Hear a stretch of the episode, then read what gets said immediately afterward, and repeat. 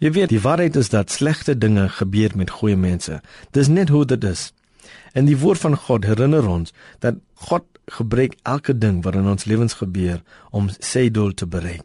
Ons weet dat God alles ten goeie laat meewerk vir die wat hom liefhet, die wat volgens sy besluit geroep is. Romeine 8:28.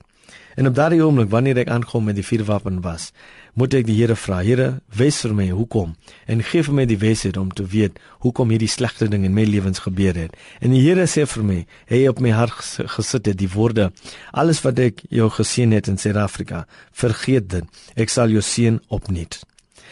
Mense wanneer hulle dit hoor, hulle sê vir my, "Wow, dis 'n groot geloof om te hê." En ek sê vir hulle, "Nee, dis nie om 'n groot geloof te hê nie, maar geloof in 'n groot God te hê." Jy sien, jy is nie in beheer nie, maar die Here is in beheer. Wanneer ek preek en dit vir mense sê, is hulle dat ek 'n groot geloof het, maar dis nie heeltemal waar nie, want wat ons nodig het is nie 'n groot geloof nie, maar geloof in 'n groot God. Dis hoekom Jesus het gesê dat as jy geloof so klein soos 'n mosterdsaad het, kan jy berge versit. Die meeste van die selfhelpboeke wat geskryf is, sê dat 'n mens in homself en sy eie vermoëns moet glo. Maar die Bybel sê dat ons in God moet glo, nie in onsself nie. Miskien is jy op dieselfde plek in jou lewe as waar ek was toe ek in New Zealand was en jy weet nie wat die toekoms vir jou inhou nie. Die goeie nuus vir kinders van God is dan jy weet nie wat die toekoms inhou nie, maar jy weet wie die toekoms in sy hande hou. Jesus Christus. Ons moet nooit bang wees om 'n onbekende toekoms in die hande van 'n bekende God te plaas nie. Dinge sal sleg lyk, maar jy moet weet dat dit wat by mense onmoontlik is, is moontlik by God. En dis die waarheid. Dis wat ons moet glo. Dat as dinge moeilik lyk, as dinge lyk sleg lyk, ons moet glo en geloof dat God is daar en God kan 'n plan maak.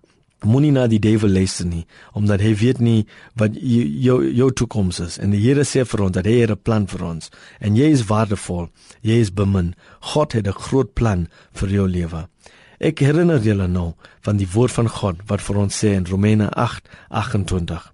Ons kan nou van een saak seker wees dat God gebruik elke ding wat in ons lewens gebeur om sy doel te bereik. Ja, broers en sissies, God gebruik elke ding wat ons dink is slegte dinge, die Here sal dit gebruik om iets goeds in jou lewens te doen. Nou, laat ek bid vir julle. Here, asseblief, ek bid vir my broer en my sussie. Laat hulle weet dat hulle mis, miskien weet hulle nie wat die toekoms inhou nie, maar hulle moet weet wie die toekoms in sy hande hou. Dis U, Here. En hulle moet nooit bang wees om 'n onbekende toekoms in die hande van 'n bekende God te plaas nie. Ja, miskien lyk dinge sleg, Here, maar ek bid en ek vra dat hulle sal sien dat U is in beheer van alles. Amen.